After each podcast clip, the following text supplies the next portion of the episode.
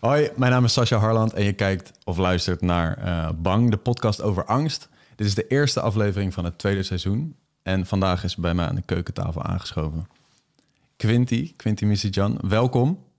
Thank you. Leuk dat je er bent. Wij kennen elkaar best wel een tijdje. Echt best wel een paar jaar. We- Aan het begin maakte ik YouTube en jij ook. Toen hebben we elkaar op allerlei gatherings en zo zijn we elkaar tegengekomen. Wow, those days. Zo, ja, ja, dat waren, dat waren mooie dagen. Dat waren de dagen. En toen eh, uiteindelijk ben ik op een gegeven moment gestopt met YouTube. Hebben we elkaar best wel een tijdje niet gezien. Maar hier en daar dook je nog wel eens op. Of ik. Ik vind het erg leuk dat je, dat je te gast wil zijn met deze eerste aflevering van seizoen 2. Dus dank je wel daarvoor alvast. Voor de mensen die onder een steen hebben geleefd. Nee, voor de mensen die, voor de mensen die niet weten wie jij bent en wat je doet. Eh, wie ben je en wat doe je? Ik ben eh Quinty, voormalig YouTubester.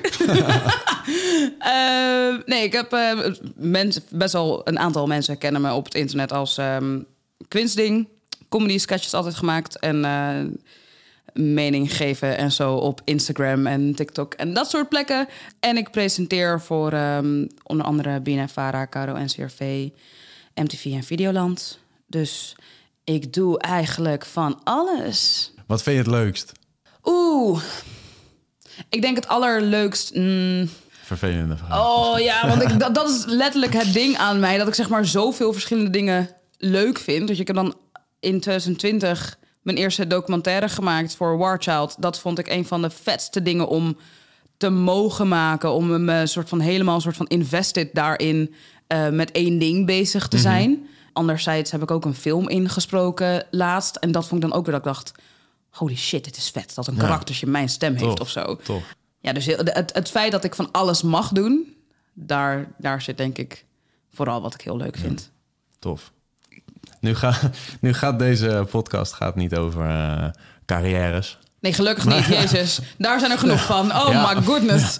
Nee, deze gaat eh, gelukkig, zou ik willen zeggen, ergens anders over. Deze podcast is over angst. En ik vraag mijn gasten eigenlijk altijd, heb ik het eerste seizoen ook gedaan, om eh, een voorwerp mee te nemen wat te maken heeft met waar ze bang voor zijn. Wat heb jij meegenomen? Ja, iets heel, iets heel spannends. Ehm, er zijn er twee. Twee. Twee dingen. Oké. Dit is voor de audio. Heel Ja, De ASMR op wel. toch nog. Blauwe M&M's. Ik zie M&M's. En die niet willen blijven staan. En eh, AirPods. En AirPods. Ja. Hebben, ze, hebben ze nog een connectie met elkaar? Of zijn het losse... Niet helemaal, een soort van. Oké. Ja. Eh, waarom heb je de, waarom heb je de mee? Wil je beginnen bij de M&M's of wil je beginnen bij de... Ehm, de AirPods. nee, we kunnen wel beginnen bij de, bij de M&M's, denk ik. Dit is eh, de reden geweest dat ik bijna ben doodgegaan in een vliegtuig. Wow. Ja, Wauw. blauwe M&M's. Dus die zijn een soort van bij mij... Ik heb een keer een allergieaanval gehad in het vliegtuig. Ja. En dat kwam na een, eh, een handje blauwe M&M's. Jeetje. En jij wist niet dat je die niet kon eten? Nee, Maar nee. we hebben in- te maken met een allergie. Met, nou, met een Ik allergie heb een dus. notenallergie, eh, een zware notenallergie en voor pinda's en eh, de, de hele ramman. Ehm, en in Europa zijn M&M's zonder, of de blauwe M&M's zijn zonder pinda's, noten, whatever. En Mhm. ik kwam toen net, ik had een overlay op, volgens mij was het Singapore of Hongkong. Ik wist het niet, want ik was bizar moe. Oh ja. Ehm, en ik dacht gewoon, ik heb wel ergens strek in. Ik pak gewoon blauwe M&M's. Ervan uitgaande dat M&M's, dat is iets universeels, toch? Ja. Dat is overal hetzelfde, Ja. toch? Dat hoop je dan. Ehm, en ik nam mijn eerste handje. We, we zaten net in de lucht. En ik voelde eigenlijk al instantly van... Dit is foute boel. Wat er nu in mijn mond zit, dat zou ik niet moeten eten. Wat, mer wat merkte je op dat moment? Ik voelde een soort van rare... Ik noem het altijd mijn... mijn, mijn het is een soort spidey sense. Zeg maar hoe, hoe de spidey sense wordt uitgebeeld Ja. op, beeld. Dat is hoe ik dat dan voel. Ik voel een soort van... Al mijn voelsprieten gaan gelijk... Een soort hy- hyper-alert of zo? Het is gewoon direct een soort van error. Ja. Alsof alle alarmpjes aangaan in mijn hoofd. eh, en een soort van gekriebel direct in mijn mond. Het voelt een beetje pittig. Een allergische aanval voelt pittig. Pittig. Ja, Pittig. Ja, nee, nee, maar dat kan me wel... ja wel een beetje, toch? Ja, ja, ja. Ehm, nou ja, en M&M's horen niet pittig te zijn. Nee. Nee. Dus je eh, kijkt op de achterkant en zag ik dat er pinda's in zaten. En toen wist ik wel van, oh, oh, oh, oh, dat heb ik net in mijn mond gehad. Ja. Oh, ik ben heel allergisch voor pinda's. Ja, pindaallergie, dat is voor de mensen die het niet weten, dat is echt een vrij heftige. Ik had weet nog, Ja. vroeger had ik iemand in de klas Ja. dat die mocht echt niet in de buurt komen van, eh, van maar dat, nou ja, even voor de context, dat is dus inderdaad. En, Ja. maar, en als ik het goed begrijp, jij zat dus in de lucht. Ik zat in de was lucht. aan het vliegen. Ik was aan het vliegen. Ik was net eh, vier weken alleen geweest in Australië. eh, op zoek naar mezelf. Eh, Zoals het meer doen. ja, toch? En ik was, ik, ik- je bent dan alleen en ineens heb je een soort van zo pinda's in je systeem gekregen. En als je een pindaallergie hebt, dan is dat wel zeg maar. Een arts vertelt je altijd: je hebt dan eigenlijk 10 minuten om naar het ziekenhuis te komen. Als de ehm, aanval doorzet. Hij dus kan die ook af. Hij kan ook Hij afzwakken, kan ook ja. afzwakken, Ja. maar daar heb je medicatie voor nodig, eigenlijk. Ja. Ehm, en ik had wel wat bij me, maar dat zijn lichte tabletjes. Mhm. Ehm, en eigenlijk zou ik dan een EpiPen moeten hebben. En of all days in my life had ik net mijn EpiPen niet in mijn handbagage gedaan, maar in mijn ruimbagage. Nou, en toen dacht ik echt, wow, this might be it. Ja, dacht En je dat En dacht wel- je echt, wat, voor, eh, zeg maar, wat voor gedachten kwamen er op dat moment dan in je op? Als je echt denkt van, oké, dit, hoe, hoe, wat, wat gaan we doen dan? Nou, het was, het was oprecht wel echt eh, een heel, heel angstig moment. Ehm omdat ik voelde dat die aanval begon.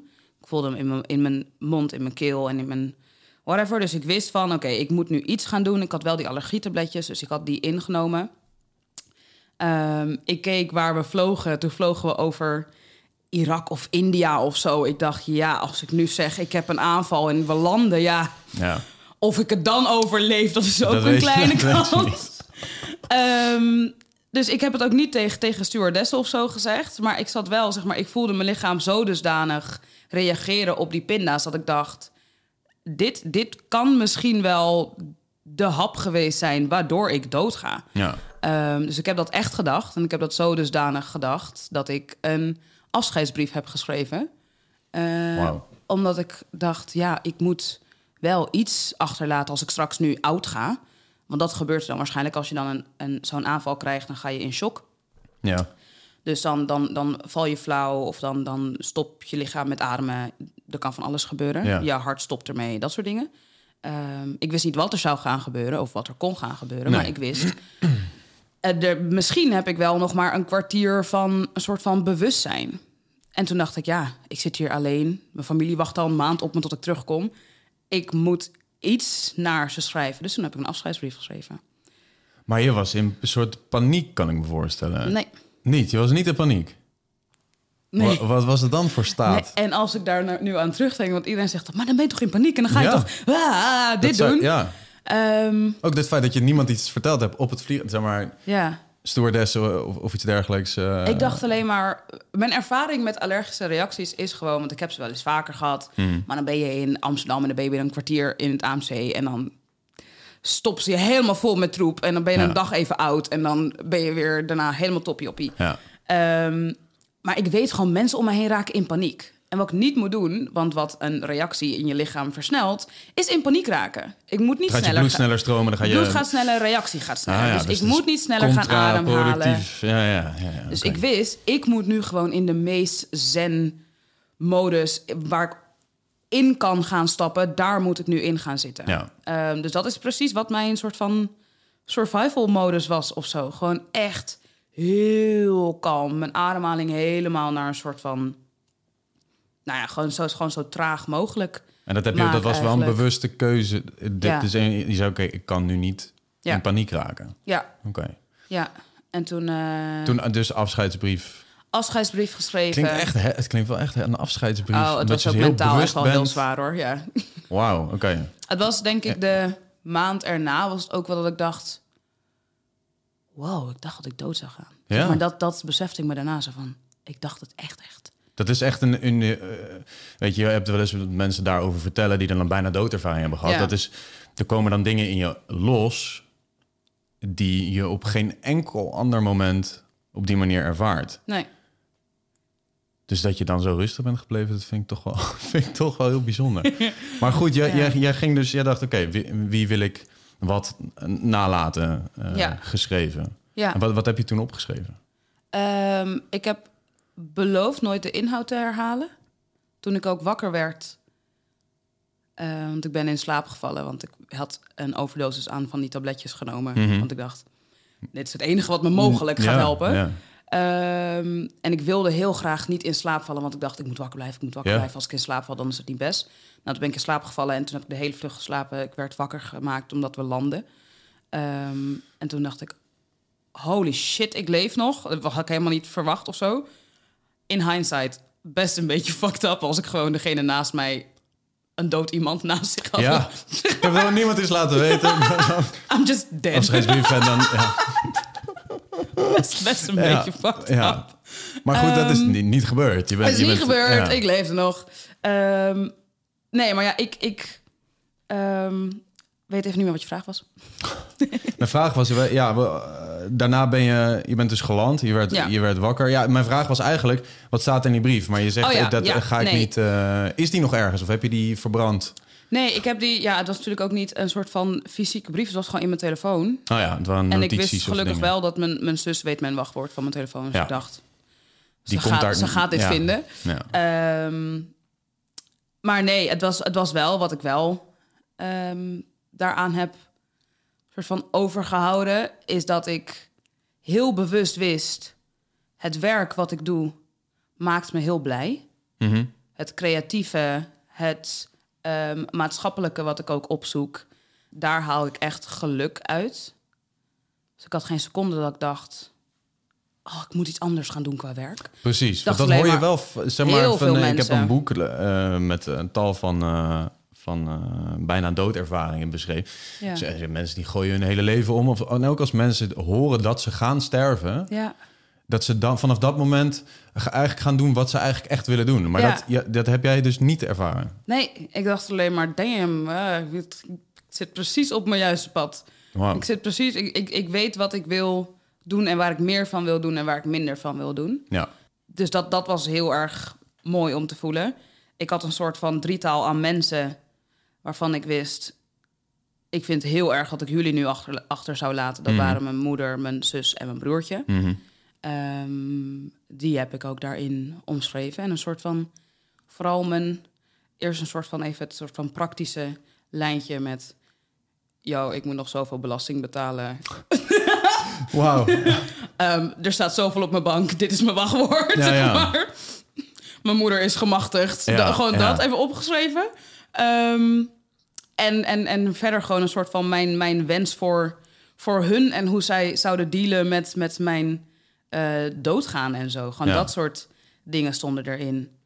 Dat jij op dat moment de helderheid van geest hebt gehad om, om aan die praktische zaken te denken. En ook Ja. gewoon überhaupt wat op papier te krijgen. Of, ja, dat vind ik wel bizar. Ik denk dat het een tekening is ook van hoe mijn brein gewoon werkt in panieksituaties. Ik kan best wel makkelijk gewoon praktisch denken, ook als de wereld naar de shit gaat. Ja. Ehm, en dus ook toen. En echt wel huilend hoor. En ik heb ook, Mhm. eh, weet je wel, als ik er dan...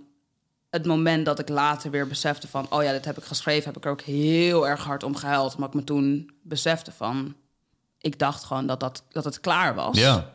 Ehm, maar dat ergens ook wel weer een soort van iets heel erg, iets heel erg moois of zo. Het gaf me wel een soort andere. Ik had al heel veel waardering voor het leven wat ik had. Ja. Omdat ik gewoon, ik had al eerder allergische reacties gehad. Ik was me bewust van mijn eigen mortaliteit, wat je als jong mens niet per se hebt vaak. Maar ik wist gewoon al vanaf mijn achttiende, damn, een pinda kan mij doodmaken, zeg Ja. maar. ja. It's kind of easy Ja. om gewoon dood te gaan als Vind je mens. het goed dat, is- dat ik deze even hier zet? Ja. Dat is goed. Dat is misschien maar veiliger voor de rest van de opname. Ehm, nee, maar dus ik was me er altijd al best wel bewust van. Dus op een of andere manier merkte ik ook wel met mijn leeftijdsgenoten... dat we op een andere manier van het leven genoten dan andere mensen dat Ja, hebben. ja, precies. Dus eh, Ehm. maar waarschijnlijk gewoon letterlijk omdat je er dus op een andere manier naar keek of naar kon Ja. kijken. Ja, Dat is dus eigenlijk ook eh, dat jij jezelf in die situatie hebt leren kennen. Hmm. En dat je dus weet dat je functioneert. Dat is ook wel iets. Kun, kan ik zeggen dat het echt iets, iets positiefs wel is wat je daaruit hebt gehaald? ja. Ja, zeker. Ik kan ook wel, zeg maar, als ik er nu naar terugkijk, denk ik... dat stukje vind ik iets positiefs. Het feit dat ik dus weet dat mijn allerbelangrijkste waarde... gewoon bij mijn familie ligt. Ja, Er waren een aantal vrienden waar ik heel erg aan dacht. Omdat ik dacht, shit, die laat ik ook achter. Dus ik ook wel, damn, dan moeten dat ook wel echt goede zijn. Er waren ook een aantal mensen waar ik geen seconde over na heb gedacht. Ja. Die spreek ik ook niet echt meer. nee, nee. zeg maar, het was wel een soort van hele heldere filter of zo. En ergens dacht ik, ja, heel fucking cliché, maar beter geniet je van elke seconde Ja. die je nog hebt, vriendin. Ja, ja, maar clichés Gewoon- zi- zijn daar met een reden, volgens Ja. mij. eh. Dus dat had ik gewoon heel, heel bewust of zo. En, en ja, daarna is dat alleen maar doorgetrokken als ik nadenk over dingen doen of kansen pakken. Of soms een beetje dom, maar als ik gewoon denk, ik zou meer spijt hebben van de nee dan van de ja. Ja. Al is die ja kapot eng, ja. dan moet ik het maar gewoon doen of zo. En denk je dat mensen daar, eh, of sommige mensen daar, een dergelijke ervaring voor... Nu is dit natuurlijk een vrij extreme ervaring, laten we wel wezen. Maar zou niemand zo- aanraden. zo- Maar Zoek de grens op met pinda's. Nee, Nee. nee. maar eh, ehm, een dergelijke ervaring... zou je die mensen die op dat vlak nog zoekende zijn... zouden die soms misschien wel baat kunnen hebben... bij, bij een, een, een confrontatie met bijvoorbeeld sterfelijkheid... of eh, wat we weet je... Mensen verliezen is ook een confrontatie met, eh, met sterfelijkheid. er zijn best wel veel mensen die leven gewoon een soort van op die automatische piloot. Ja, Gewoon zo van, ik ga maar gewoon. Ja. Ik doe die studie maar gewoon. Het zal wel zijn wat er moet gebeuren, Ja. whatever. Uit angst ook wel voor een soort van, wat is het alternatief dan? Weet je wel? Ja. Iets wat andere mensen niet doen. Ja, maar hoe Nee, weet ik dan of dat goed gaat? Want heel erg binnen de... echt binnen die lijntjes blijven. Maar soms zijn, Ehm, is dat ook op die mensen geprojecteerd natuurlijk. En dan is het Ja. nog moeilijker om daaruit te ontsnappen. Zeker, je hele omgeving die kijkt naar je en die zegt... nou ja, dit is jouw pad. Ja, Ga maar bewandelen. ja. Kapot eng om daar dan buiten te stappen. ja zeker. Ehm, en het, het soort van oog in oog staan met je eigen mortaliteit was voor mij wel een soort van... Ja, ik heb echt geen tijd om mijn leven te spenderen en een soort van te, te, te, te volgen en te nalopen... omdat andere mensen een mening hebben over wat ik doe nee, precies. of zo. Ik kan Ja. niet gaan leven naar de mening van een ander. Nee, Dat is niet wat ik kan gaan doen, want dat is, ik heb er geen tijd voor. nee. Nee, Klaar. je, je hebt er Gewoon, geen tijd voor. Ik heb er geen Ja, tijd voor. Ja, Ik heb er geen tijd voor. Ik heb er ook geen zin in eigenlijk. Dat besefte ik me wel. Ja. Dus ik denk dat op een of andere manier mensen er wel baat zou- bij zouden kunnen hebben. ja. Of in ieder geval erover na te denken van... oké, what if I die tomorrow? Gewoon, gewoon Mhm. oprecht. Van wat doe ik dan de shit waar ik blij van word? Heel veel mensen zeggen... als ik een miljoen zou winnen, zou ik direct stoppen met werk. Stop met werk. ja. Wat Ga iets anders doen. Ja, weet je ja, hoe ja, kostbaar tijd is? Gewoon het feit dat je wakker wordt. Weet je hoe kostbaar dat is? Dat je ademt. Dat je loopt. Gewoon mensen die een volledig functionerend lichaam hebben. Die het gewoon weg verpesten. En een soort van maar voor lief nemen. Het is echt niet... Maar dat is een stukje on, zeg maar, onbewust zijn, denk Ja. ik. Je bent, die mensen zijn zich gewoon niet, ook voor een groot deel misschien niet bewust of nooit bewust gemaakt. Nee, Dan in, in dit geval. nee, denk ik ook. Ergens ook relaxed. Maar ik denk Het lijkt me heerlijk om je geen zorgen te maken om bepaalde dingen hoor. Ik ben echt een denker. Ja? Daarom ben ik deze podcast ook gaan maken. Wel, omdat ik, eh, nou, het zijn wel, wel thema's waar ik me in mijn leven mee bezig hou. Ehm, en, en soms benijd ik wel mensen die, eh, waar, waar we dan bijvoorbeeld in een gesprek komen op dergelijke onderwerpen. En denken ze, jezus, waar- waarom denk je daar toch over na? Dan denk Ja. ik, oh, wat lekker als je er op die manier in kan zitten. Heb je het altijd al gehad? Dat je zo nadacht? Dat je, dat je dieper nadacht dan anderen? af en toe? Ja, nou ja, het, het- juist de mensen waarmee je dat dan kon delen, daarmee kreeg je een soort eh, interessante band van. Mhm. Maar ik heb dat wel, eh, ik heb dat eigenlijk wel altijd gehad. Ja. Ja, en in die corona-luwte ben ik eigenlijk op het idee gekomen om ook om deze podcast te gaan maken. Juist omdat er voor heel veel mensen een taboe ligt op Ja. überhaupt angst of bang zijn voor dingen. Of eh, inderdaad, nou ja, in het verlengde dan van eh, weggaan van het pad wat je, waarvan je in ieder geval voelt dat je het zou moeten behandelen. Mhm. Ja, dus in die zin eh, is dit wel eh, ook dit product dan wat we aan het maken zijn. Het is wel iets wat in die zin wel bij mij past. Ja. Ik was nog benieuwd. Wat, ik kan me heel goed voorstellen dat je hier iets aan overgehouden hebt aan die ervaring. Wat ook, wat ook minder, minder positief is. Als in, Zijn er voor jou nog een soort van triggers die, die een bepaalde angst bij jou... eh, heeft het bij jou een soort angst teweeggebracht, deze ervaring? Of kan je, daar, kan je zeggen, ik, ehm, ik pluk er eigenlijk alleen maar de vruchten van? Ik denk inmiddels het tweede. Ja, Ik heb wel even een periode gehad dat ik echt wel wat angstiger was. Überhaupt om te eten. Gewoon Oh ja? dat ik gewoon oprecht een soort van... Ik ging niet meer buitenshuis. Ik heb ineens... Ik heb wel sinds dat moment dat ik veel meer een soort van eh, regime heb in wat ik eet. Omdat ik een soort van... Ja, buit, buiten de deur eten is voor mij gewoon at all times een risico. een risico, ja. Ehm, dus dat, dat is wel iets waar, waar ik een soort van mee, meer mee bezig was ineens. Waar ik dat daarvoor veel minder had. Maar ik gewoon dacht, ah joh, ah ja, kan wel gebeuren. Ach, komt wel goed. ja. Terwijl ik echt meer dan genoeg moment had gehad dat het helemaal niet maar gewoon goed kon. En dat ik gewoon in het ziekenhuis terecht kwam. Maar ik dacht altijd, ja, Ja, nou dan kom ik in het ziekenhuis en dan eh gooi je ze me vol, is prima. dan je geholpen. Ja, ben, ik, prima. ben ik weer oké. Ehm, Totdat je een keer in het vliegtuig zit. tot je een keer in het vliegtuig zit. En dan ben je precies niet oké. Nee. Ehm, nee, dus dat, dat had ik er wel heel even van. Maar eigenlijk, het heeft een traumaplekje achtergehouden. Want ik merkte heel erg als ik erover aan het praten was... dat ik gewoon er eigenlijk direct over, aan, over moest huilen. Mhm. Dat ik het ook niet zo goed uit mijn mond kon krijgen dat dat gebeurd was. En dat ik een afscheidsbrief had geschreven... dat ik echt had geloofd dat ik dood zou gaan. Ja, Ehm, dat ik voor het eerst echt die angst had gevoeld. ja. Dat, Het is ook wel een, di- een dingetje om eh, te Ja. vertellen. Om dat Ja. gevoel überhaupt op een goede manier eh, laat staan... als je ook nog die emotionele eh, gevoelens daar nog eens bovenop krijgt. ja, dus ik durfde het misschien gewoon niet, niet aan mezelf toe te geven... of zo, dat ik Nee. dat dacht. Nee, precies. Ehm, maar nu denk ik eigenlijk als ik op terugkijk dat ik daar alleen maar, ja, toch denk ik de vruchten van heb geplukt. ja. De positieve dingen uit heb kunnen halen. Is daar een keerpunt geweest? Zeg maar, va- vanaf welk moment eh, ging je van... ik kan er, ik kan er eigenlijk niet, niet, over, niet met droge ogen over praten... en het eigenlijk niet goed verwoorden. Wat, eh, hoe heb je dat uiteindelijk wel leren doen? Is dat gewoon gebeurd? Of, of is daar iets aan vooraf gegaan? Dat je dat hebt, beter hebt kunnen plaatsen voor jezelf... waardoor je het, zoals je nu doet, Ja, het gewoon kan vertellen. ik denk eigenlijk dat het andersom is geweest. Ik ben het eerst gewoon, heb ik het gewoon niet gezegd tegen mensen. Ja, Ik zei het gewoon niet. Ik dacht gewoon, ah joh, is gebeurd. ja, Weg. En, en ik, ik merkte aan mezelf dat ik wel een soort van op een andere manier aan het leven was en whatever. Maar ik dacht, ja, ik weet niet zo goed waar het door komt. Whatever, het zal allemaal wel. Mhm. Ehm, en toen had ik op een gegeven moment een gesprek met mijn zus. En die, want die had ik wel verteld. Ik had wel verteld van nee, ik heb een eh, allergische aanval gehad en ik heb een afscheidsbrief geschreven. En nou ja, dat, dat, dat heeft mijn familie in eerste instantie als traumatischer opgeslagen dan dat ik dat had. ja.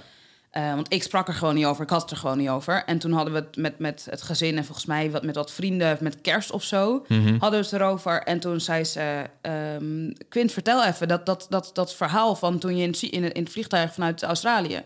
En toen dacht ik een beetje, waar, heb je het eigenlijk over? En toen dacht ik, oh ja. Oh, je bedoelt die keer toen ik, dat ik dacht dat ik dood ging. Oh, en toen ja. merkte ik aan mezelf, toen probeerde ik het te vertellen. En toen, ik, ik raakte helemaal op slot. ja. En vanaf dat moment dacht ik wel van...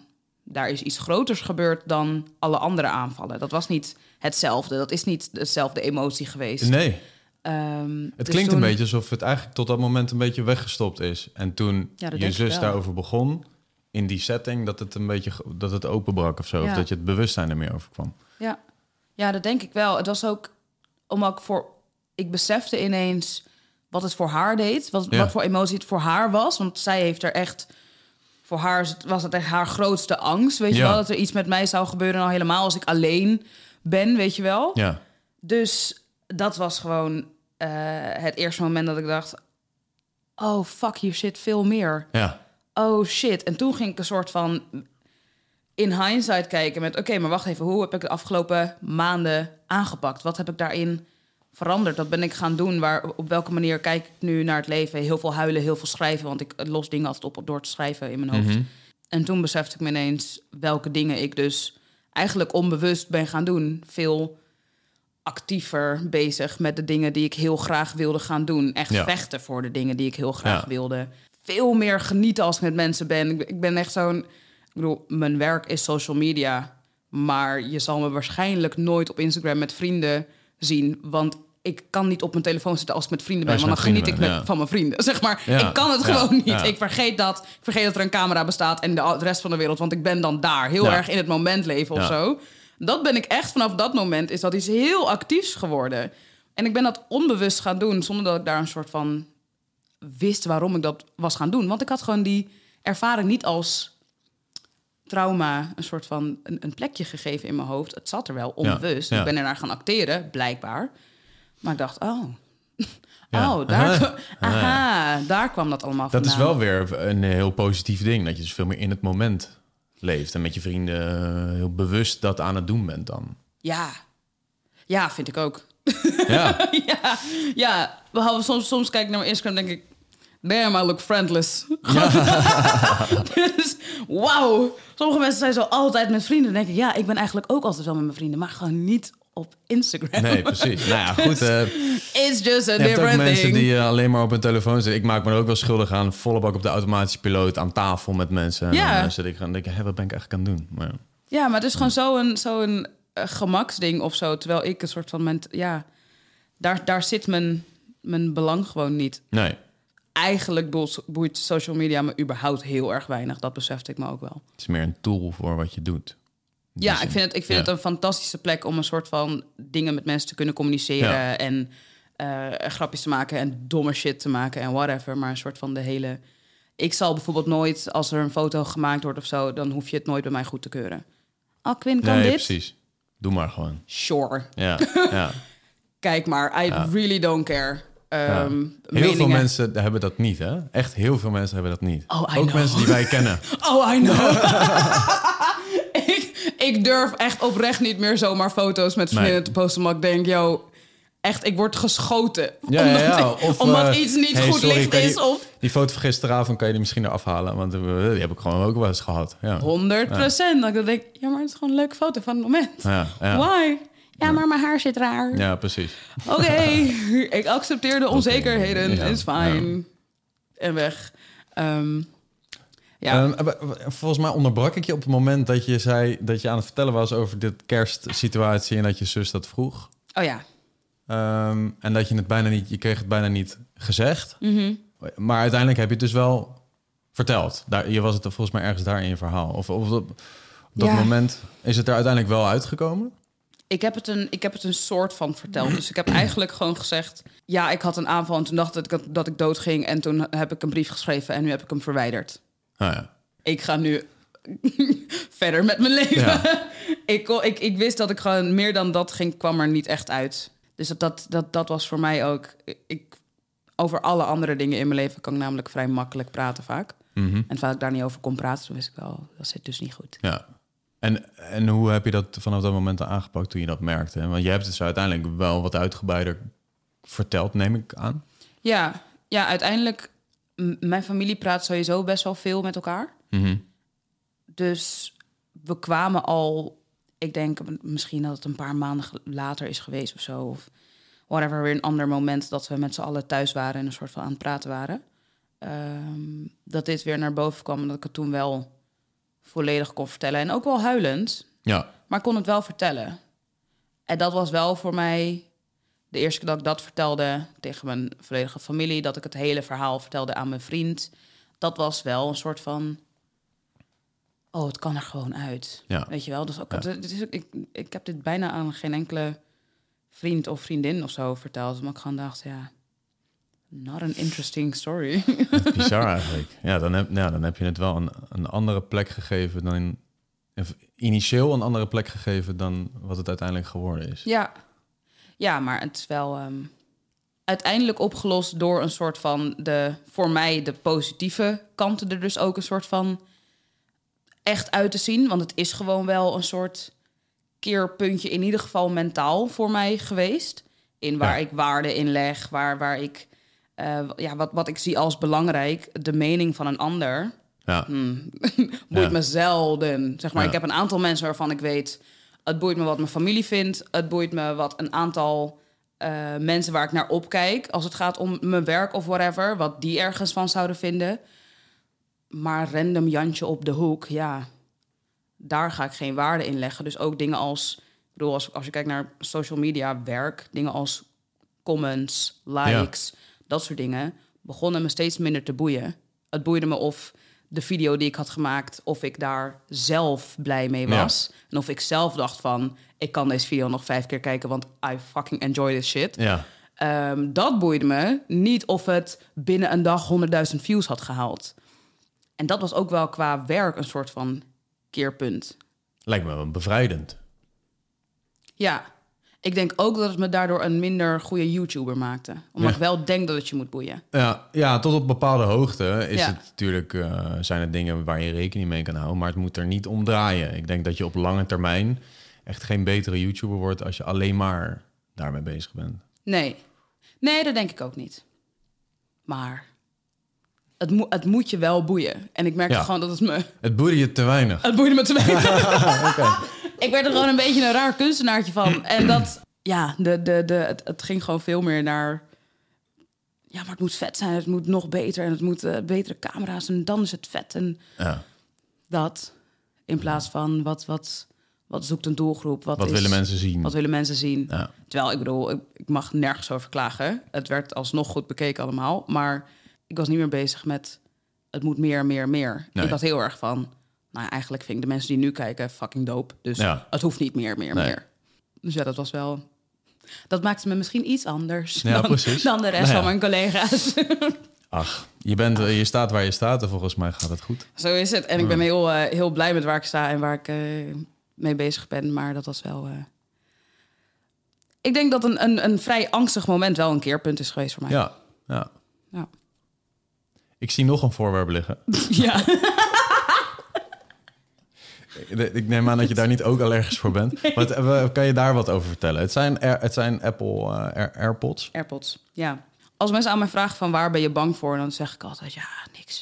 Ik ben nergens bang voor. Ik heb een soort van... Ik, ik, vind, ik, ik vind dingen... Sommige dingen vind ik vies en vervelend. maar het is niet dat ik een soort van... Ah, spinnen, ah, slang, Nee, precies. eh, hoogtes. bleh, dat heb ik allemaal niet. En toen ehm, belde ik je. En toen belde jij me. Good nee, God. Drie therapie-sessies voor nodig had. Ik stuur je nog een factuur. Maar Ehm, nee, ik, het andere moment buiten mijn eigen bijna dood... Mhm. ehm, was het moment dat mijn eh, broertje in het ziekenhuis kwam te liggen. Ja. Had een operatie gehad. En hij, eh, er zat toen een, nou, kan gebeuren na een operatie, een actieve bloeding in zijn buik. Wat betekende dat hij dus zijn bloed, wat in je aderen hoort te zitten, Mhm. aan het leegstromen was in zijn eigen lichaam. Dus waar je aan de buitenkant de bloeding kan hebben, had hij het in de binnenkant van zijn Jeetje, lichaam. oké. Eh, vrij heftig. Ja. Eh, werd vanaf na, na een controle werd hij met, eh, met, met een ambulance naar het ziekenhuis gebracht. En eigenlijk leefden we vanaf dat moment in een soort van. We weten niet wanneer hij geopereerd gaat worden om dit te fixen. En zijn waardes blijven achteruit gaan. Het gaat steeds slechter met hem. Dat. Ehm, en toen besefte ik me voor het eerst heel erg hard van... eh, mijn allergrootste angst is dat er iets gebeurt met mijn moeder, mijn zus of mijn broertje. Ehm, in eerste instantie reageerde ik op die hele situatie heel erg zoals ik ook bij mezelf reageerde. Gecontroleerd. Ja. We moeten fixen, we moeten het praktische moeten we eerst gefixt krijgen. Dat moet er gefixt worden. Hij moet naar dat ziekenhuis. Die arts moet hem helpen. We moeten ervoor zorgen dat de juiste papieren daar komen. Heel Zodat hij Heel rationele reactie. rationeel. Ja. Ehm, en toen kwam het moment dat we te horen kregen dat hij dus geopereerd zou worden. Want je komt dan op een soort spoedlijst te staan in het ziekenhuis. Dan lig je daar gewoon. En als, je, als er iemand vrijkomt om je te helpen, dan word je geopereerd. Dat is dus echt horrible. Want Ja. je bent in Amsterdam en je hoort een traumahelikopter aankomen. En je weet gewoon, dat duurt nog vier uur. Ja. Dat doet nog vier... Dus je gaat gaat, ook een soort ja. van... Je wordt ook boos, omdat er andere mensen ook shit hebben, zeg maar. Ze dacht echt, motherfuckers, kunnen jullie niet gewoon normaal rijden op de A10? Jesus Lord, gewoon dat soort dingen ga je denken. Heel menselijk wel, lijkt me. Maar, Tuurlijk, Het maar het is ook een beetje dat je denkt, hoe lelijke kant van Ja, mezelf. ja, ja. Oei. ja. Ehm, maar goed, toen kwam uiteindelijk het moment na een dag en een nacht. Die ochtend werden we gebeld eh, door hem en hij zei, hij was helemaal een soort van overstuur en hij was echt net twintig eh, dat dit gebeurde. En eh, de, toen was er een arts, die was naar hem toegegaan, die zei, jij mag hier niet geholpen worden, want degene waar je je eerste operatie hebt gedaan, die heeft geen afspraak met het VU. Dus jij kan hier niet geopereerd worden. Terwijl hij daar dood lag te bloeden al Ik anderhalf wou net dag. zeggen, hè, zeg anderhalve dag een inwendige bloeding. Dat een is inwendige ding. bloeding. Dus eh, ik werd helemaal lijp, maar in focusmodus. We gaan naar het ziekenhuis toe. En ik dacht gewoon, ik ga deze motherfucker uit zijn kamer slepen... en ervoor zorgen dat mijn broertje geopereerd wordt. Ja. Wij zitten in de auto, worden gebeld. eh, door hem gefacetimed. Oh my god, ik mag nu naar het ziekenhuis. Er was een eh, chirurg, die had hem op de lijst zien staan. Nam hem mee naar de OK. Oké, oh my god, helemaal geweldig. We gaan nu naar het ziekenhuis toe, we zien je zo. En vanaf dat moment wisten we niet meer wat er gebeurde. Het was, duurde zeven uur lang. Toen moest je dus weer alles loslaten. Zeg maar. Alles loslaten. Zeven uur lang niet weten wat er gebeurde. Niet weten hoe erg de bloeding was. Niet weten of hij nu aan het doodbloeden was op een, op een OK-bed. Ik raakte het helemaal kwijt op dat punt. Mijn mijn familie zegt ook als ze, hoe ze mij toen hebben gezien. Mijn broertje en ik zijn als, als tweelingen samen. Hoe ze ons toen daar hebben gezien, dat, dat, of hoe ze mij toen hebben gezien. Ik lag op een gegeven moment met mijn hoofd op een tafel. Gewoon heel zachtjes, terwijl ik de hele tijd zo gecontroleerd was. Degene die het hele gezin bij elkaar hield, zeg maar. Ja. Ineens was ik zo broken. Oh ja. Uit elkaar gevallen. Was klaar. Zo, Ja. Jij was op, zeg maar, al die soort van opgekropte energie en al die emotie, die kwam er in één keer zo uit. Toen werd ik helemaal gek omdat ik dacht, ik kan nu niks. Eerst Nee. had ik iets wat ik kon ja. fixen en dingen die ik kon regelen. En nu ben ik machteloos en ligt het letterlijk helemaal in de handen van een ander. Ja. Nou, dat vond ik zo vreselijk dat ik iets wilde gaan doen. en toen zijn we een cadeautje gaan kopen voor mijn broertje. Voor als hij wakker werd. Kijk. En dat waren AirPods. Oh, echt? Deze AirPods.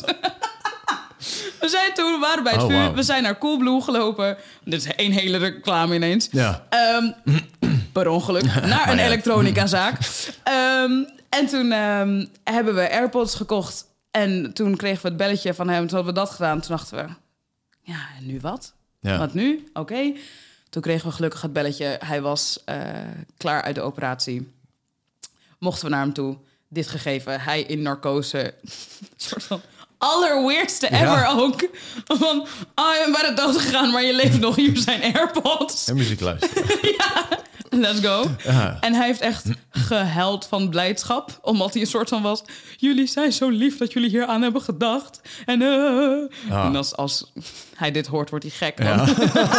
ik bedoel, dit waren totaal narcose cries. Ja. Maar zeg maar, dit was een soort van mijn uitweg van... Ik kan niks doen. En ik merkte heel erg, wow, als ik me dus machteloos voelen... dat is wel voor mij Dan een- is het helemaal... kan ik niet, ja. dus ik moet iets gaan doen. En mijn oplossing waren fucking AirPods. Ja. Omdat ik dan maar dacht, ja, maar dan hebben we in ieder geval... als hij wakker wordt, iets om Ja, precies. of zo. Ja. Ehm, maar dat is wel echt een van de aller, aller, aller, aller, aller ergste periodes in mijn leven geweest. Ja, daar kan daar kan zeg maar die fucking blauwe M&M's kunnen, kunnen daar niet... Nee, tegenop. ik wou net het weer vergelijken maken. Is- dit een grotere angst van je dan, eh, dan een, een angst om zelf eh, dood te gaan? Of dat je zelf iets overkomt? Ja, veel groter. Ja. Ja. Waar ligt die, die angst dan bijvoorbeeld nu eh, bij je familie? Ben je daar dan nog een soort van heel erg bewust van dat is gebeurd? Dus dat kan zomaar, er kan zomaar iets misgaan? Of op wat voor manier eh, he- heb je hier nu nog last van? Nou, ik had... ehm, ik had er wel een aantal dingen aan overgehouden. Dus het moment dat we erachter kwamen dat hij überhaupt een bloeding had...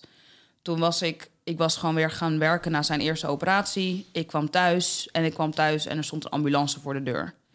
En om naar mijn huis te gaan moet ik zo... Ik, ik rij eerst op een pad en ik woon direct op de hoek. Dus je gaat een hoekje over, om en daar Ja. stond ineens een ambulance... en mijn zus en mijn broertje werd daarin ge, ingebracht. En dat is een trauma geweest. Want ik durfde heel erg lang... Zag. heb ik gewoon om de hoek van mijn huis gewacht... omdat ik de hoek niet om durfde. Omdat ik dacht, stel je voor, daar staat Oh, weer een, een ambulance. Dus dan stond ik daar soms gewoon tien minuten. Gewoon met mijn auto, omdat ik dacht, ik kan niet verder. Ik, ik, Omdat je bang was dat, gaat, dat het weer dat, zou het is weer gebeuren. mis. Ah, ja. Want het was gewoon goed. En ineens was het niet goed. Ja. Dus het kan ook nu ineens weer niet goed zijn. ja. Ehm, dus dat heeft echt wel, echt wel eventjes geduurd. En ik denk wel dat we als gezin, als collectief allemaal een beetje spastischer zijn als het om mijn broertje gaat. Dus als hij zegt, eh, oh ja, ik heb er op een motor gereden zonder helm op. Ja, ja. Dan, dan, dan schieten wij gelijk in een soort van motherfucker. Ja, ja, ja. Weet je wel wat wij hebben meegemaakt? Alsof dit totaal ons ding was, zeg maar. Ehm, maar goed, ja, terwijl hij ook gewoon hele oprechte angst heeft gehad voor zijn, voor zijn eigen leven, weet je wel. Maar voor ons was het een soort van ja, een totaal andere laag. Net als dat, Ja. dat mijn ervaring voor mijn familie weer Ja, in die totaal zin iets is anders dat was. ja, ja, ja. een soort Dus, kruiselings. ehm, eh, Ja, nee, dat was. Ja, ja, dat was echt wel. ehm, echt wel een trauma. En ook dat ik dat, dat dus met die, met die auto dat ik niet om de hoek durfde. En dat als mensen me. ja. Dat ik heel bewust was van zijn volgende verjaardag.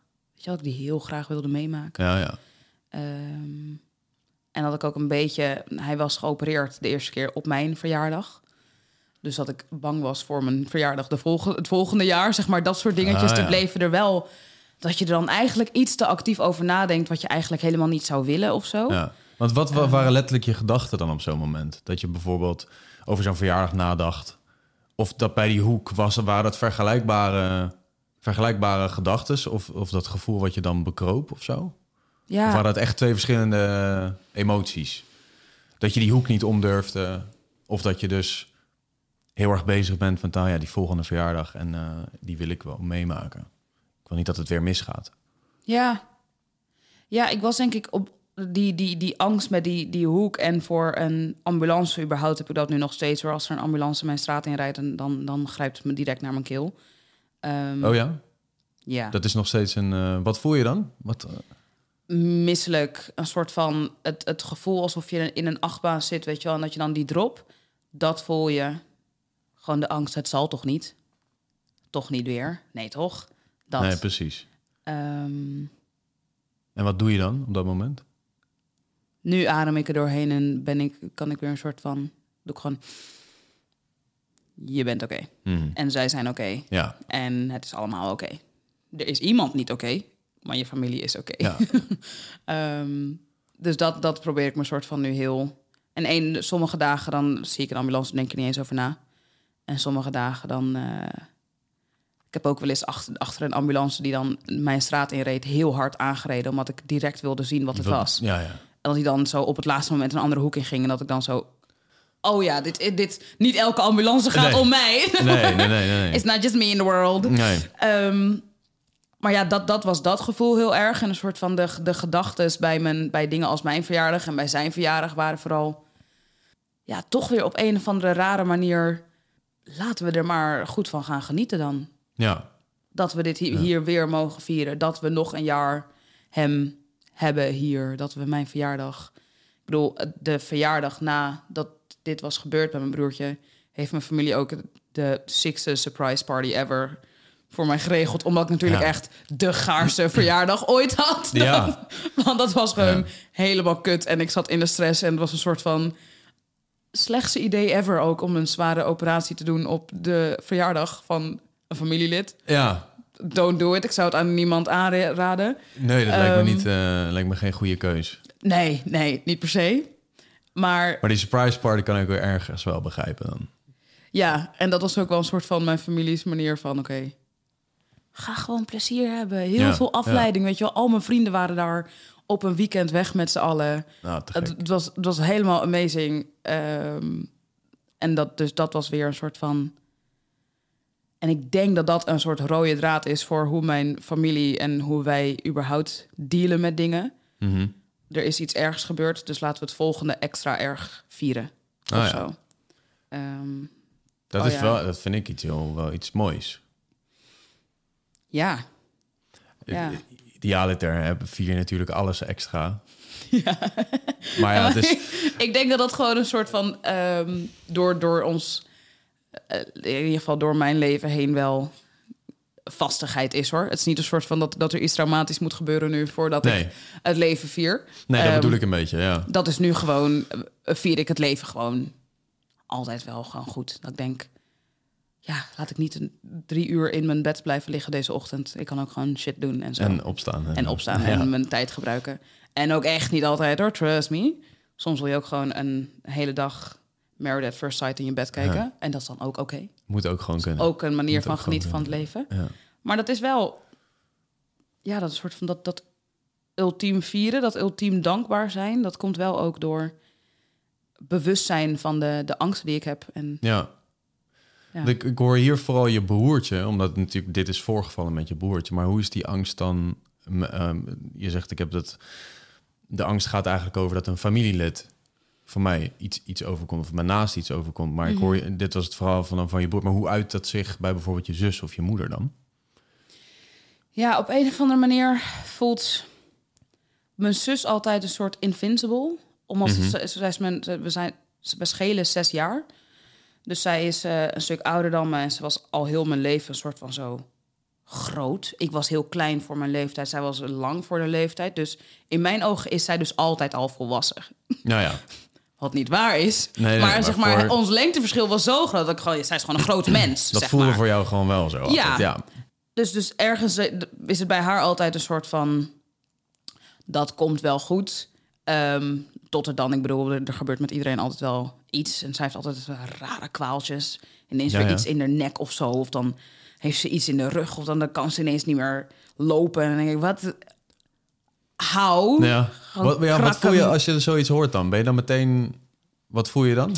Nou, ik voel dan niet gelijk. eh, ik voel dus niet gelijk paniek tot ik niet meer iets kan oplossen. Dus een, ik- een keer dat zij een, ehm, met de fiets was gevallen toen het heel glad was en ze een hersenschudding had en de doktoren ineens gingen praten over het feit dat er misschien eh, hersenschade of whatever was, omdat ze niet meer goed kon, kon, kon praten en dingen kon onthouden en whatever.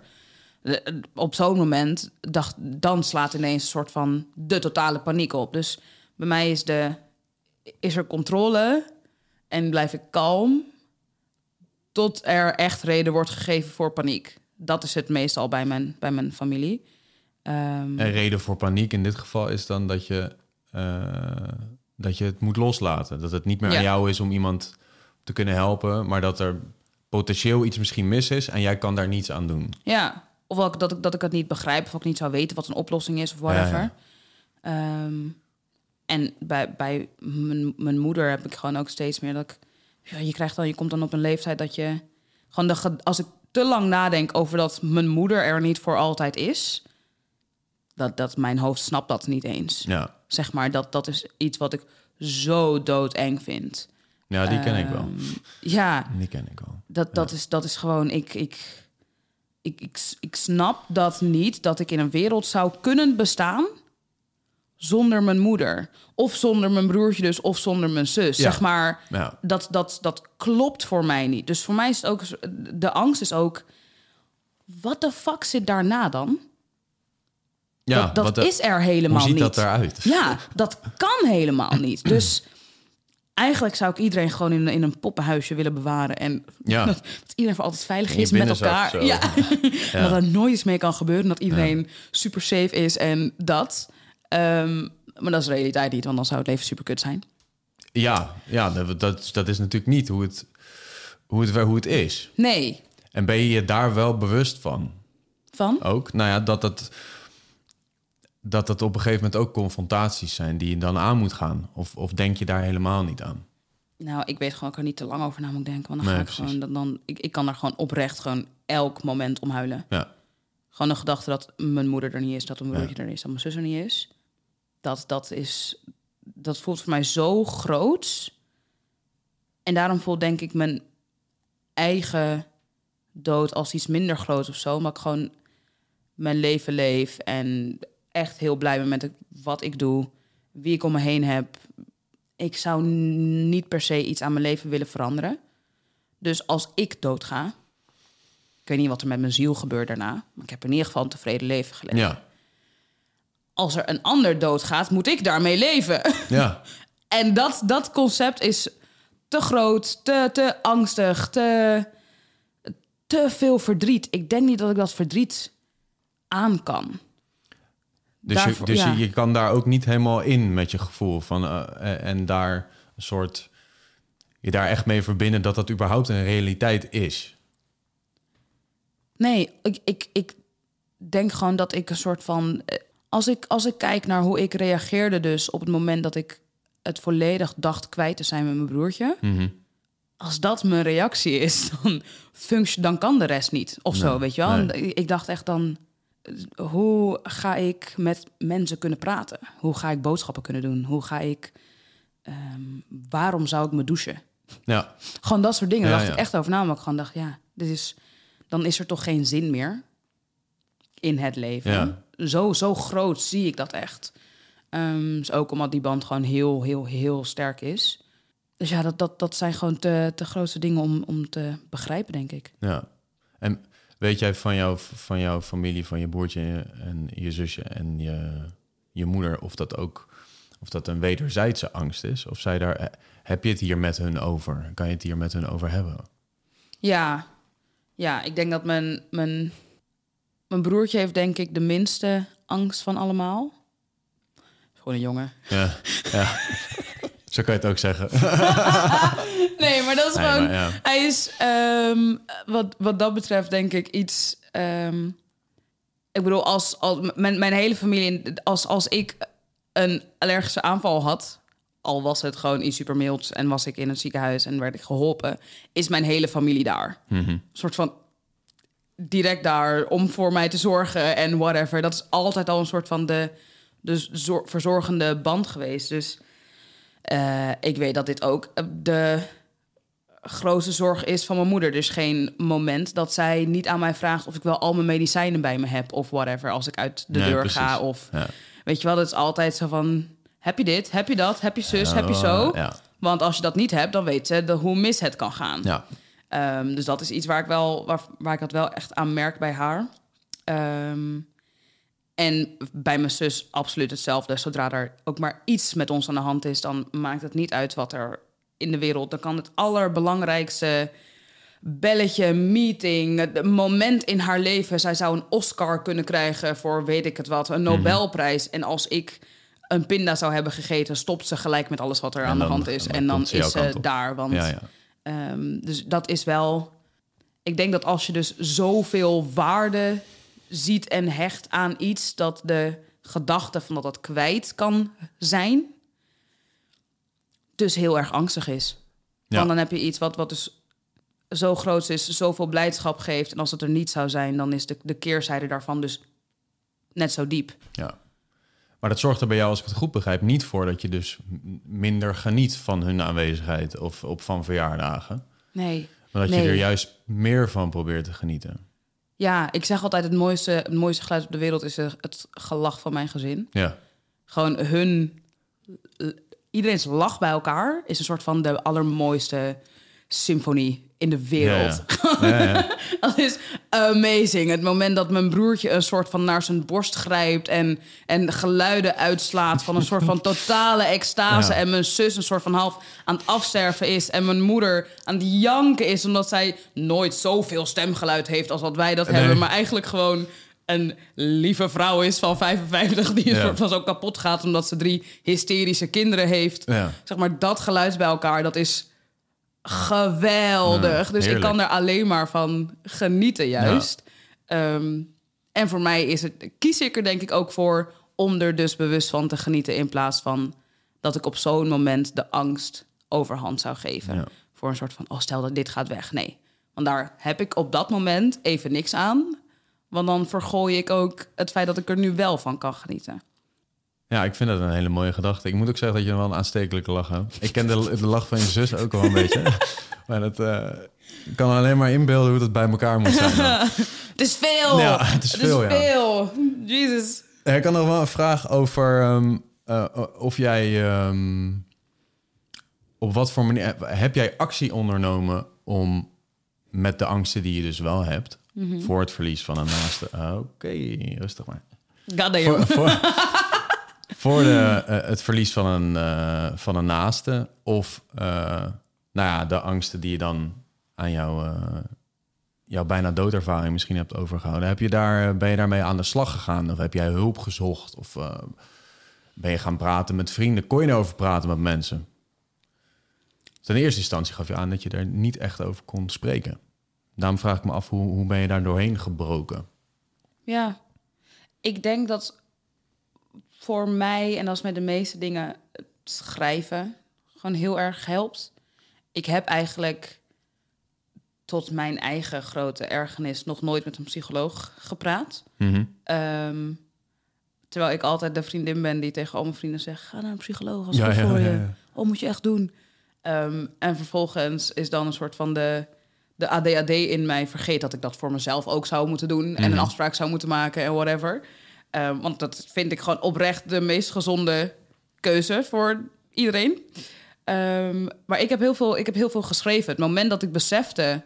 dit zit nog dwars in mij ben ik er wel actief mee aan de slag gegaan. Een soort van, waar zit dit dan? Wat heb ik veranderd vanaf dat moment?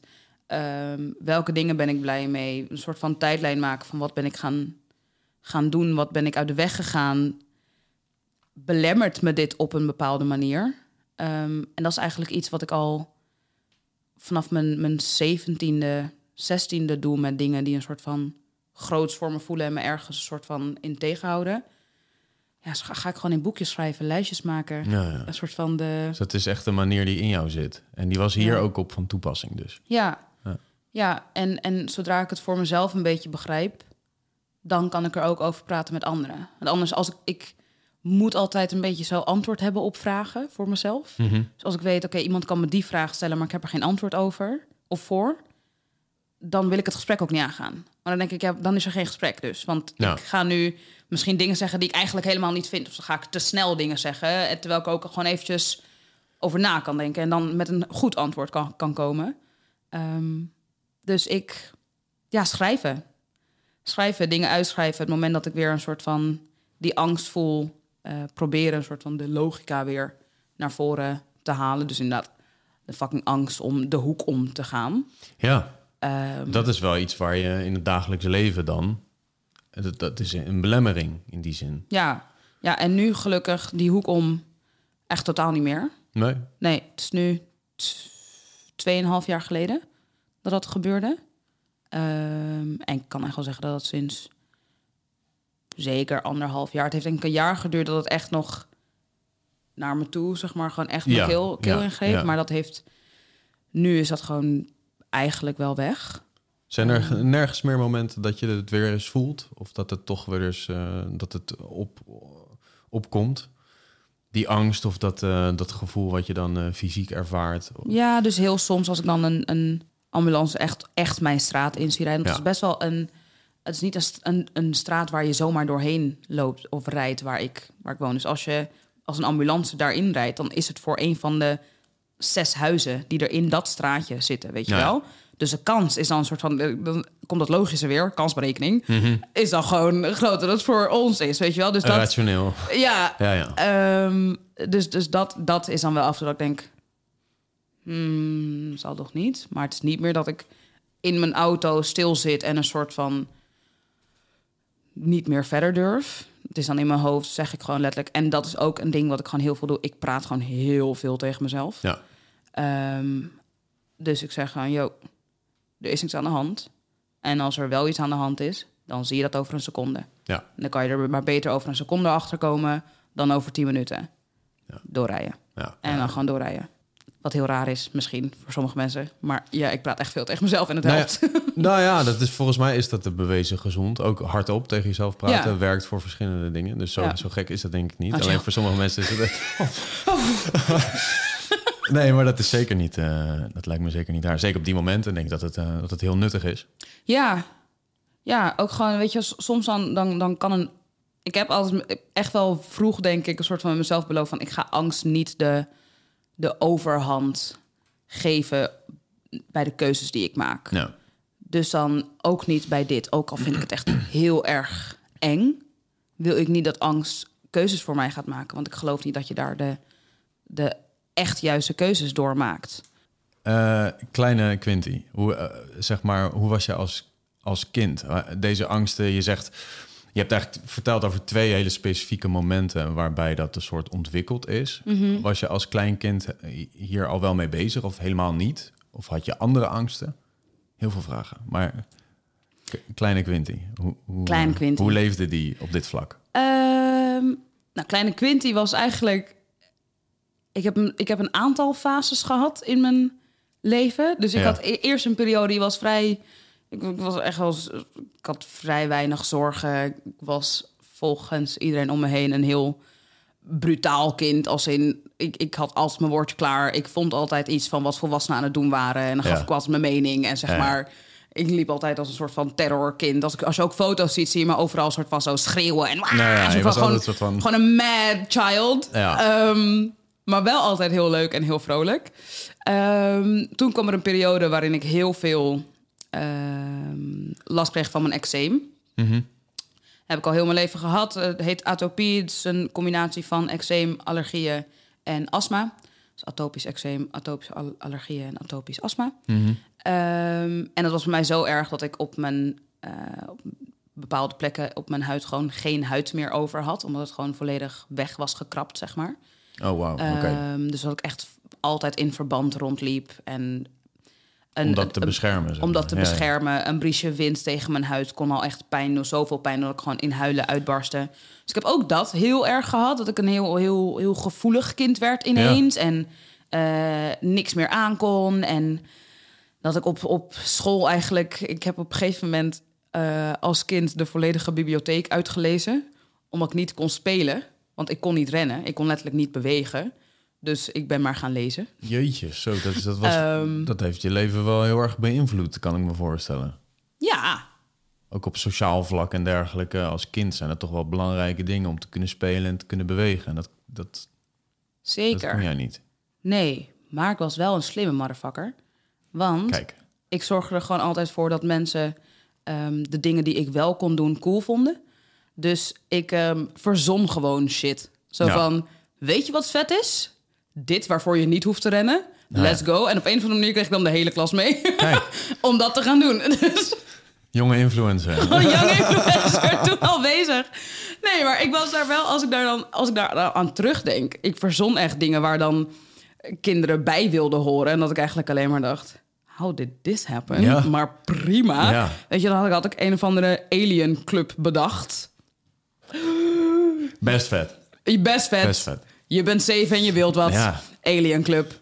Ehm, met onze eigen pasjes en weet ik het wat. En dan alle dingen die we deden, die waren gewoon niet zo intensief. Of ik wist van, oké, ik kan wel kleine stukjes rennen... maar ik kan niet te lang achter elkaar rennen, Ja. weet je wel. Dus dan ging ik daar dingen voor verzinnen. Of eh Annemaria Koekoek. Dan was ik degene die eh, moest, moest gaan... Het moest gaan zingen, zingen, Juist, zingen ja. en mensen moest gaan aanwijzen. Ja. Want daarvoor hoeft hij niet te bewegen. Ja. Dus ik, ik ging gewoon ik sloot mezelf niet af. Ik ging dat niet een soort van. ehm, ik probeerde dat wel aan te gaan in zekere zin. En ik dacht gewoon, ja, ik, ik, ik, ik moet iets. En ik denk gewoon best wel vindingrijk, dus als Ja. kind. Dus dat was op zich wel chill, maar heeft ook wel echt zijn littekens natuurlijk achtergelaten. Want het is als kind best wel zwaar om dat Ja. mee te maken. Om al zo vroeg te voelen dat je lichaam echt anders is. Dat ik, ik was heel veel moe. Heel moe, want je lichaam is altijd aan het vechten. Dus ik kwam thuis van school en dan dacht ik echt... Ik liep soms slapend naar huis, zeg maar. Dat ik gewoon al aan sla in slaap viel aan de hand van mijn moeder. Ah. Zo moe was ik gewoon, gewoon doodop van deze Dat dag. is echt te veel energie. Ehm, heel veel in het ziekenhuis. En dat soort dingen. Dus ik was best vrolijk, best, best blij, maar wel altijd al heel erg bezig met, met, mijn, met mijn lijf. En, en het feit dat ik er dus anders uitzag. Want ik had echt gewoon... Mijn gezicht was zat helemaal vol met eczeem. Oh jeetje. Ehm, dus ik was wel... Ik heb een hele lange periode gehad waar ik heel bang was. Wat ik dus nu, nu totaal niet meer heb. Mhm. Maar voor de mening van anderen. Wat vinden mensen van me? Ja. Mensen mochten mijn armen nooit zien. Zeg maar, dit was ondenkbaar als kind. Om er zo bij te Mhm. Ja, zitten. Ik wilde altijd lange mouwen. Altijd lange broeken. Al was het 25 zomer, ik graden. wou net zeggen, ja, de dus het was zomer allemaal- was not happening. Lange broek, lange mouwen. Er ging niemand kijken naar mijn eczeem. Want stel je voor, iemand zou daar iets van vinden. Ja. Ehm, dus dat was wel altijd een soort. ehm, Hoe is dat weggegaan? Die, eh, niet het eczeem, maar ik bedoel meer de, de, de angst voor de mening van de anderen. Of is dat... Ik denk dat het een combinatie van dingen is geweest. Dus enerzijds.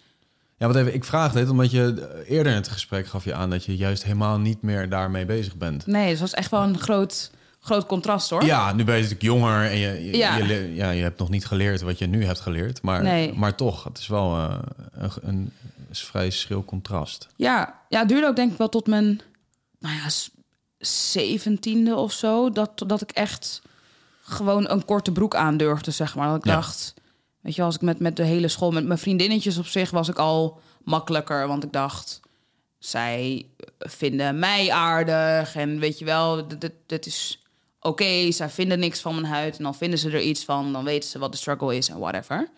Maar het was vooral voor onbekende mensen waar ik dan bang voor was. En ik weet niet, ik weet niet hoe ik. Ik denk dat ik gewoon ooit een keer een soort video heb gezien, waarschijnlijk, van iemand die gewoon zei: wees gewoon delusional en verzin je eigen realiteit. Ik heb op een, op een gegeven moment heb ik gewoon tegen mezelf gezegd: ik weet niet wat andere mensen denken, dus ik kan het maar beter positief invullen. Dan maar denken dat de hele wereld je fucking fantastisch en amazing vindt. En dat je huid super vet is en cool en whatever. Als ik mezelf een soort van dat voorhoud, dat doet geen schade aan. Nee, Doet eigenlijk alleen maar goeds voor mijn, mijn eigen mentale stukje. ja. Ehm, dus dat heb ik mezelf een soort van heel, heel veel verteld, denk ik. En op een gegeven moment werd ook mijn eczeem minder en werd ik gewoon als, als mens een stukje zekerder. En toen begon ik met eh, YouTube. En dat heeft denk ik ook best wel veel gedaan. Want ik dacht, oh, deze mensen vinden me tof, ondanks dat mijn huid er soms misschien een beetje anders uitziet. Of dat Ja. mijn, oh, oké. Oké, chill. Misschien ben ik eigenlijk helemaal... En inmiddels was toen mijn eczeem voor het grootste deel al lang weg. Maar mentaal blijft dat een soort van ding. Ik Ja, bleef dat ja, meisje met eczeem zien. Weet je, als mensen nu tegen mij zeggen... wauw, wat heb je een goede huid? denk ik echt, ben jij ziek in jouw hoofd? zeg maar, wat zeg jij? Dat gaat er niet in bij jou. Nee. Huh? Ja. Oh my god, je huid is zo egaal. En blablabla. Ik zeg, wat? Nee, nee. Zeg maar, dat is... In mijn hoofd klopt dat letterlijk niet. Nee, dus dat, dat, dat bleef er toch in zitten. Terwijl de meeste mensen die mij kennen, die zullen zeggen... Heb jij eczeem? Ja, wat ik wil net zeggen. Je, je hebt er niet. best een egale huid. dus het is geen rare opmerking, maar ik kan me voorstellen dat het dus in jouw hoofd is dat Ja. nog steeds. eh, Ja, en het is zeg maar... Ik zie de... Ik heb er gewoon ontzettend veel littekens aan. Dus als je Ja. bijvoorbeeld kijkt naar mijn, naar mijn armen... dan zie je hier ook... Eigenlijk is alles wat je hier ziet is litteken. Het is allemaal littekenweefsel. want er is een heel klein stukje wat opvalt. Maar Ja, dit zijn, dit zijn vlekjes. Maar als je er heel dichtbij op kijkt... of hier mijn, mijn polsen... zie je Oh, allemaal ja. stipjes? ja.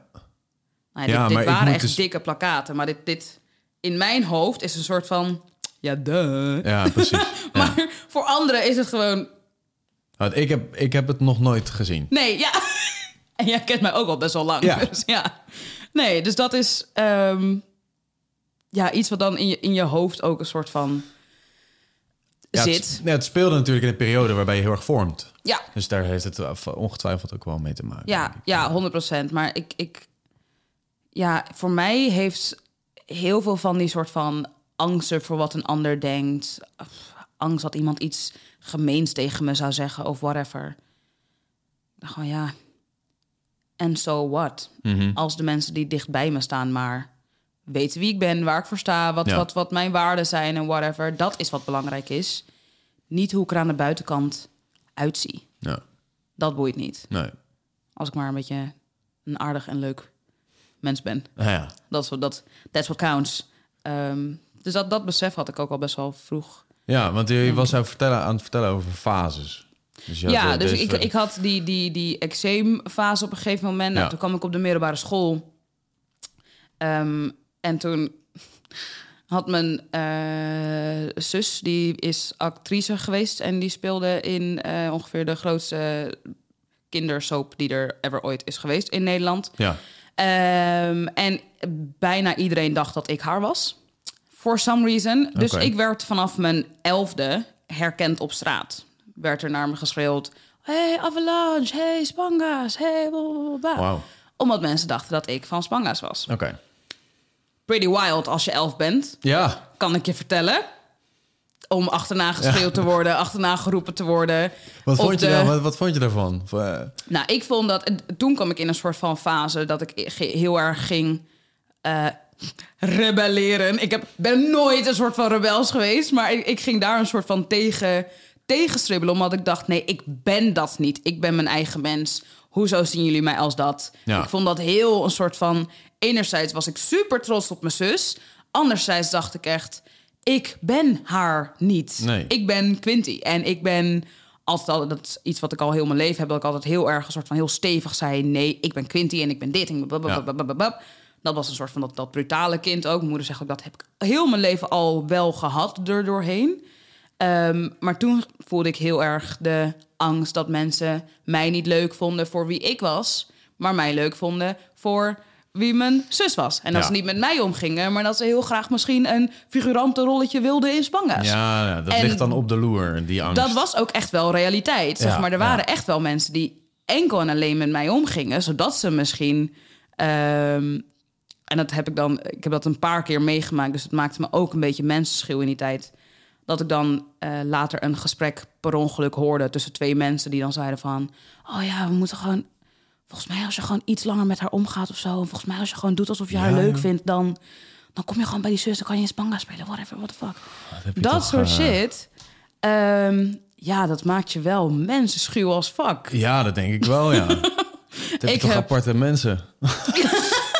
ja, ja, nou ja, en, ja. Toch? En als Ja. je echt jong bent, dan is het... dan kan je het mensen natuurlijk ook slecht kwalijk nemen... dat ze dat interessant vinden. 100 procent. Maar het is wel heel pijnlijk als ze een soort van act ophouden... om maar iets anders te bereiken eigenlijk. Ja. Ja, dus dat, dat maakt me wel onzeker over. Ben ik dan wel leuk genoeg? Ja. Weet je wel? Eh, voor welke mensen ben ik, ben ik als mens genoeg? Ja, En bij wie en hoe kom ik daar naar achter? ja, Want ik dacht dat ook bij die persoon. En dat bleek niet waar te zijn. Nee, precies. Dus hoe ga ik in hemelsnaam mensen vertrouwen? Gewoon dat stukje, dat, dat was echt wel een soort van, denk ik, de struggle van in ieder geval de eerste vier jaar van mijn middelbare schoolperiode. Ehm, en hoe heb je dat gedaan? Hoe, hoe is dat uiteindelijk gelukt? uiteindelijk dacht ik, als ik. Ik ging gewoon ehm, te raar doen. Ja. Oprecht. Dit ben ik echt gaan doen. Ehm, voor de meeste mensen, zodat ze me niet meer cool zouden vinden. Ik wilde heel erg niet cool gevonden worden, zodat mensen niet dachten: oh, het is tof om vrienden met haar te zijn, voor een andere reden dan wie zij zelf is. Nou ja, ja. Dus ik ging, eh, ik ging altijd om met de skaters, met, de, met whatever. En dan droeg ik gewoon een soort blauwe pyjama broek met paarse beenwarmers in het jaar 2011. Hè? No way dat beenwarmers een ding waren, maar Nee. I did it. Ik kocht ze ergens en ik dacht, niemand draagt dit, ik draag het. Want ik merkte ook, op een gegeven moment waren er mensen die de dingen die ik had ook gingen kopen gingen- en ah, ook ja. gingen dragen, want dat was cool. Ja. En ik dacht alleen maar, ik ben echt niet cool. Nee. Ik ben een mega nerd. Ik doe VWO. Ik vind geneeskundige dingen vind ik leuk. Ik ben fan van One Direction. Jullie wilden, vinden mij niet cool. Jongens, dit klopt niet. Trust me. Ja, ja, It's not me. Dus ik ging me aan de buitenkant heel erg een soort van zo neerzetten als niet cool mens. Als je vriend met mij wil worden, dan ben je het echt om mijn persoon. en Dan ken je mij echt. Ehm, dus dat was ik eerst heel erg gaan doen qua kleding. Nou, toen heb ik echt wel het grootste, grootste gedeelte van vierdejaars die met mij wilden omgaan. Terwijl ik twaalf was en gewoon lelijk eentje en niet cool. Die waren op een gegeven moment echt wel goner. Ehm, en in de derde klas eh, dacht ik gewoon heel radicaal van... ik ga direct aan iedereen heel erg duidelijk maken... wat ik als mens echt heel erg leuk vind. En dan komen de mensen die dat ook vinden vast wel op me af of zo. Ja. Dat, dat, dat hoop ik dan maar aan te trekken. En dat gebeurde toen. En toen heb ik mijn beste vriendin in de derde klas ontmoet. En eigenlijk is dat het moment dat ik dacht... oh, iemand die mij echt, echt leuk vindt. Ehm, wat chill. En eh, dat wij bonden echt over Demi Lovato, ehm, fans zijn van Miley Cyrus, Kijk, boho chic, dingen kopen en whatever. En naar de Primark gaan. En Schept dat soort dingen. Een schept een band. It wants you. Ehm, Twilight. Heel heftig. Ehm, wie, wie niet? nou, trust me, it was Ik- very much niet cool. Ehm, maar goed, dat was juist een soort van wel ons ding. En dat is nog steeds een van mijn beste vriendinnen. Ja. Ehm, en vanaf dat moment is ook die angst voor dat mensen met me om zouden gaan Om andere redenen, redenen, ja. is wel weggegaan. En ook ben ik er echt wel, zijn mijn sensoren er wel wat beter Ja, voor Je bent geworden. daar wakkerder in geworden. Ja. Ja, dus als, er, als ik nu nog mensen tegenkom en ik zo überhaupt al een soort van een beetje energie voel, dat ik denk, nou, mm, doe maar niet. doe maar niet. Nee. Dan, dan schuif ik dat al iets sneller weg. Ehm, maar dat was dus ook wel een, een periode waarin ik ineens die angst had. En daarna kwam dus, ging ik van de middelbare school af. Had ik eerst nog even de angst dat er niks van mij zou gaan komen. Want ik had, eh, was uitgeloot voor geneeskunde. Ik wilde Nou ja, geneeskunde gaan ja. studeren. Nou, uitgeloot. En toen dacht ik, wat? Really? Wat de fuck ga ik nu doen? Ja. Ehm, en daarna kwam ehm, YouTube. En de rest is geschiedenis. En West-geschiedenis. En sinds then she was Ja. a bad bitch. Nee, ja. Nee, nou ja, is goed. eh, vanaf daar ben je wel iets structureels gaan opbouwen natuurlijk. Een beetje die periode. Maar, maar ik hoor wel een groot verschil in de vorm van angsten. Natuurlijk ben je als klein kind houden hele andere dingen je bezig dan als je ouder wordt. Maar de angsten waar we het eerder over hebben gehad, echt met eh, levens, eh, levensthema's als doodgaan, die, daar heb je als kleinkind, eh, die kwamen niet aan bod. Het waren eigenlijk veel, je hebt als kleinkind natuurlijk een veel kleinere wereld. Ja, Uh, dus dat waren meer dat soort. Ja, en je had natuurlijk lichamelijk gewoon, gewoon dingen die je, waar je nog, nogal druk mee bent geweest, om het zo maar te zeggen. Dat, dat, dat hield je wel bezig. ja. Ja. Ja, nee, dus ik was als kind niet bang voor Nee, de dood of whatever. Ik was Nee. bang voor eh, het donker. ja, ja, precies. Ik ook. Nog steeds, eerlijk. I don't like it, man. Weet je wat IZD heeft gehad? Die is nog steeds. eh, Ja, ja. ja ik Ja. snap dat. Ik vind gewoon donker... mm. Ik heb het soms als ik uit een rare droom kom, waar het wat naar is geweest, Ja, dat ik dan wakker word nog steeds een soort een beetje. Oké, dat was wel relaxed.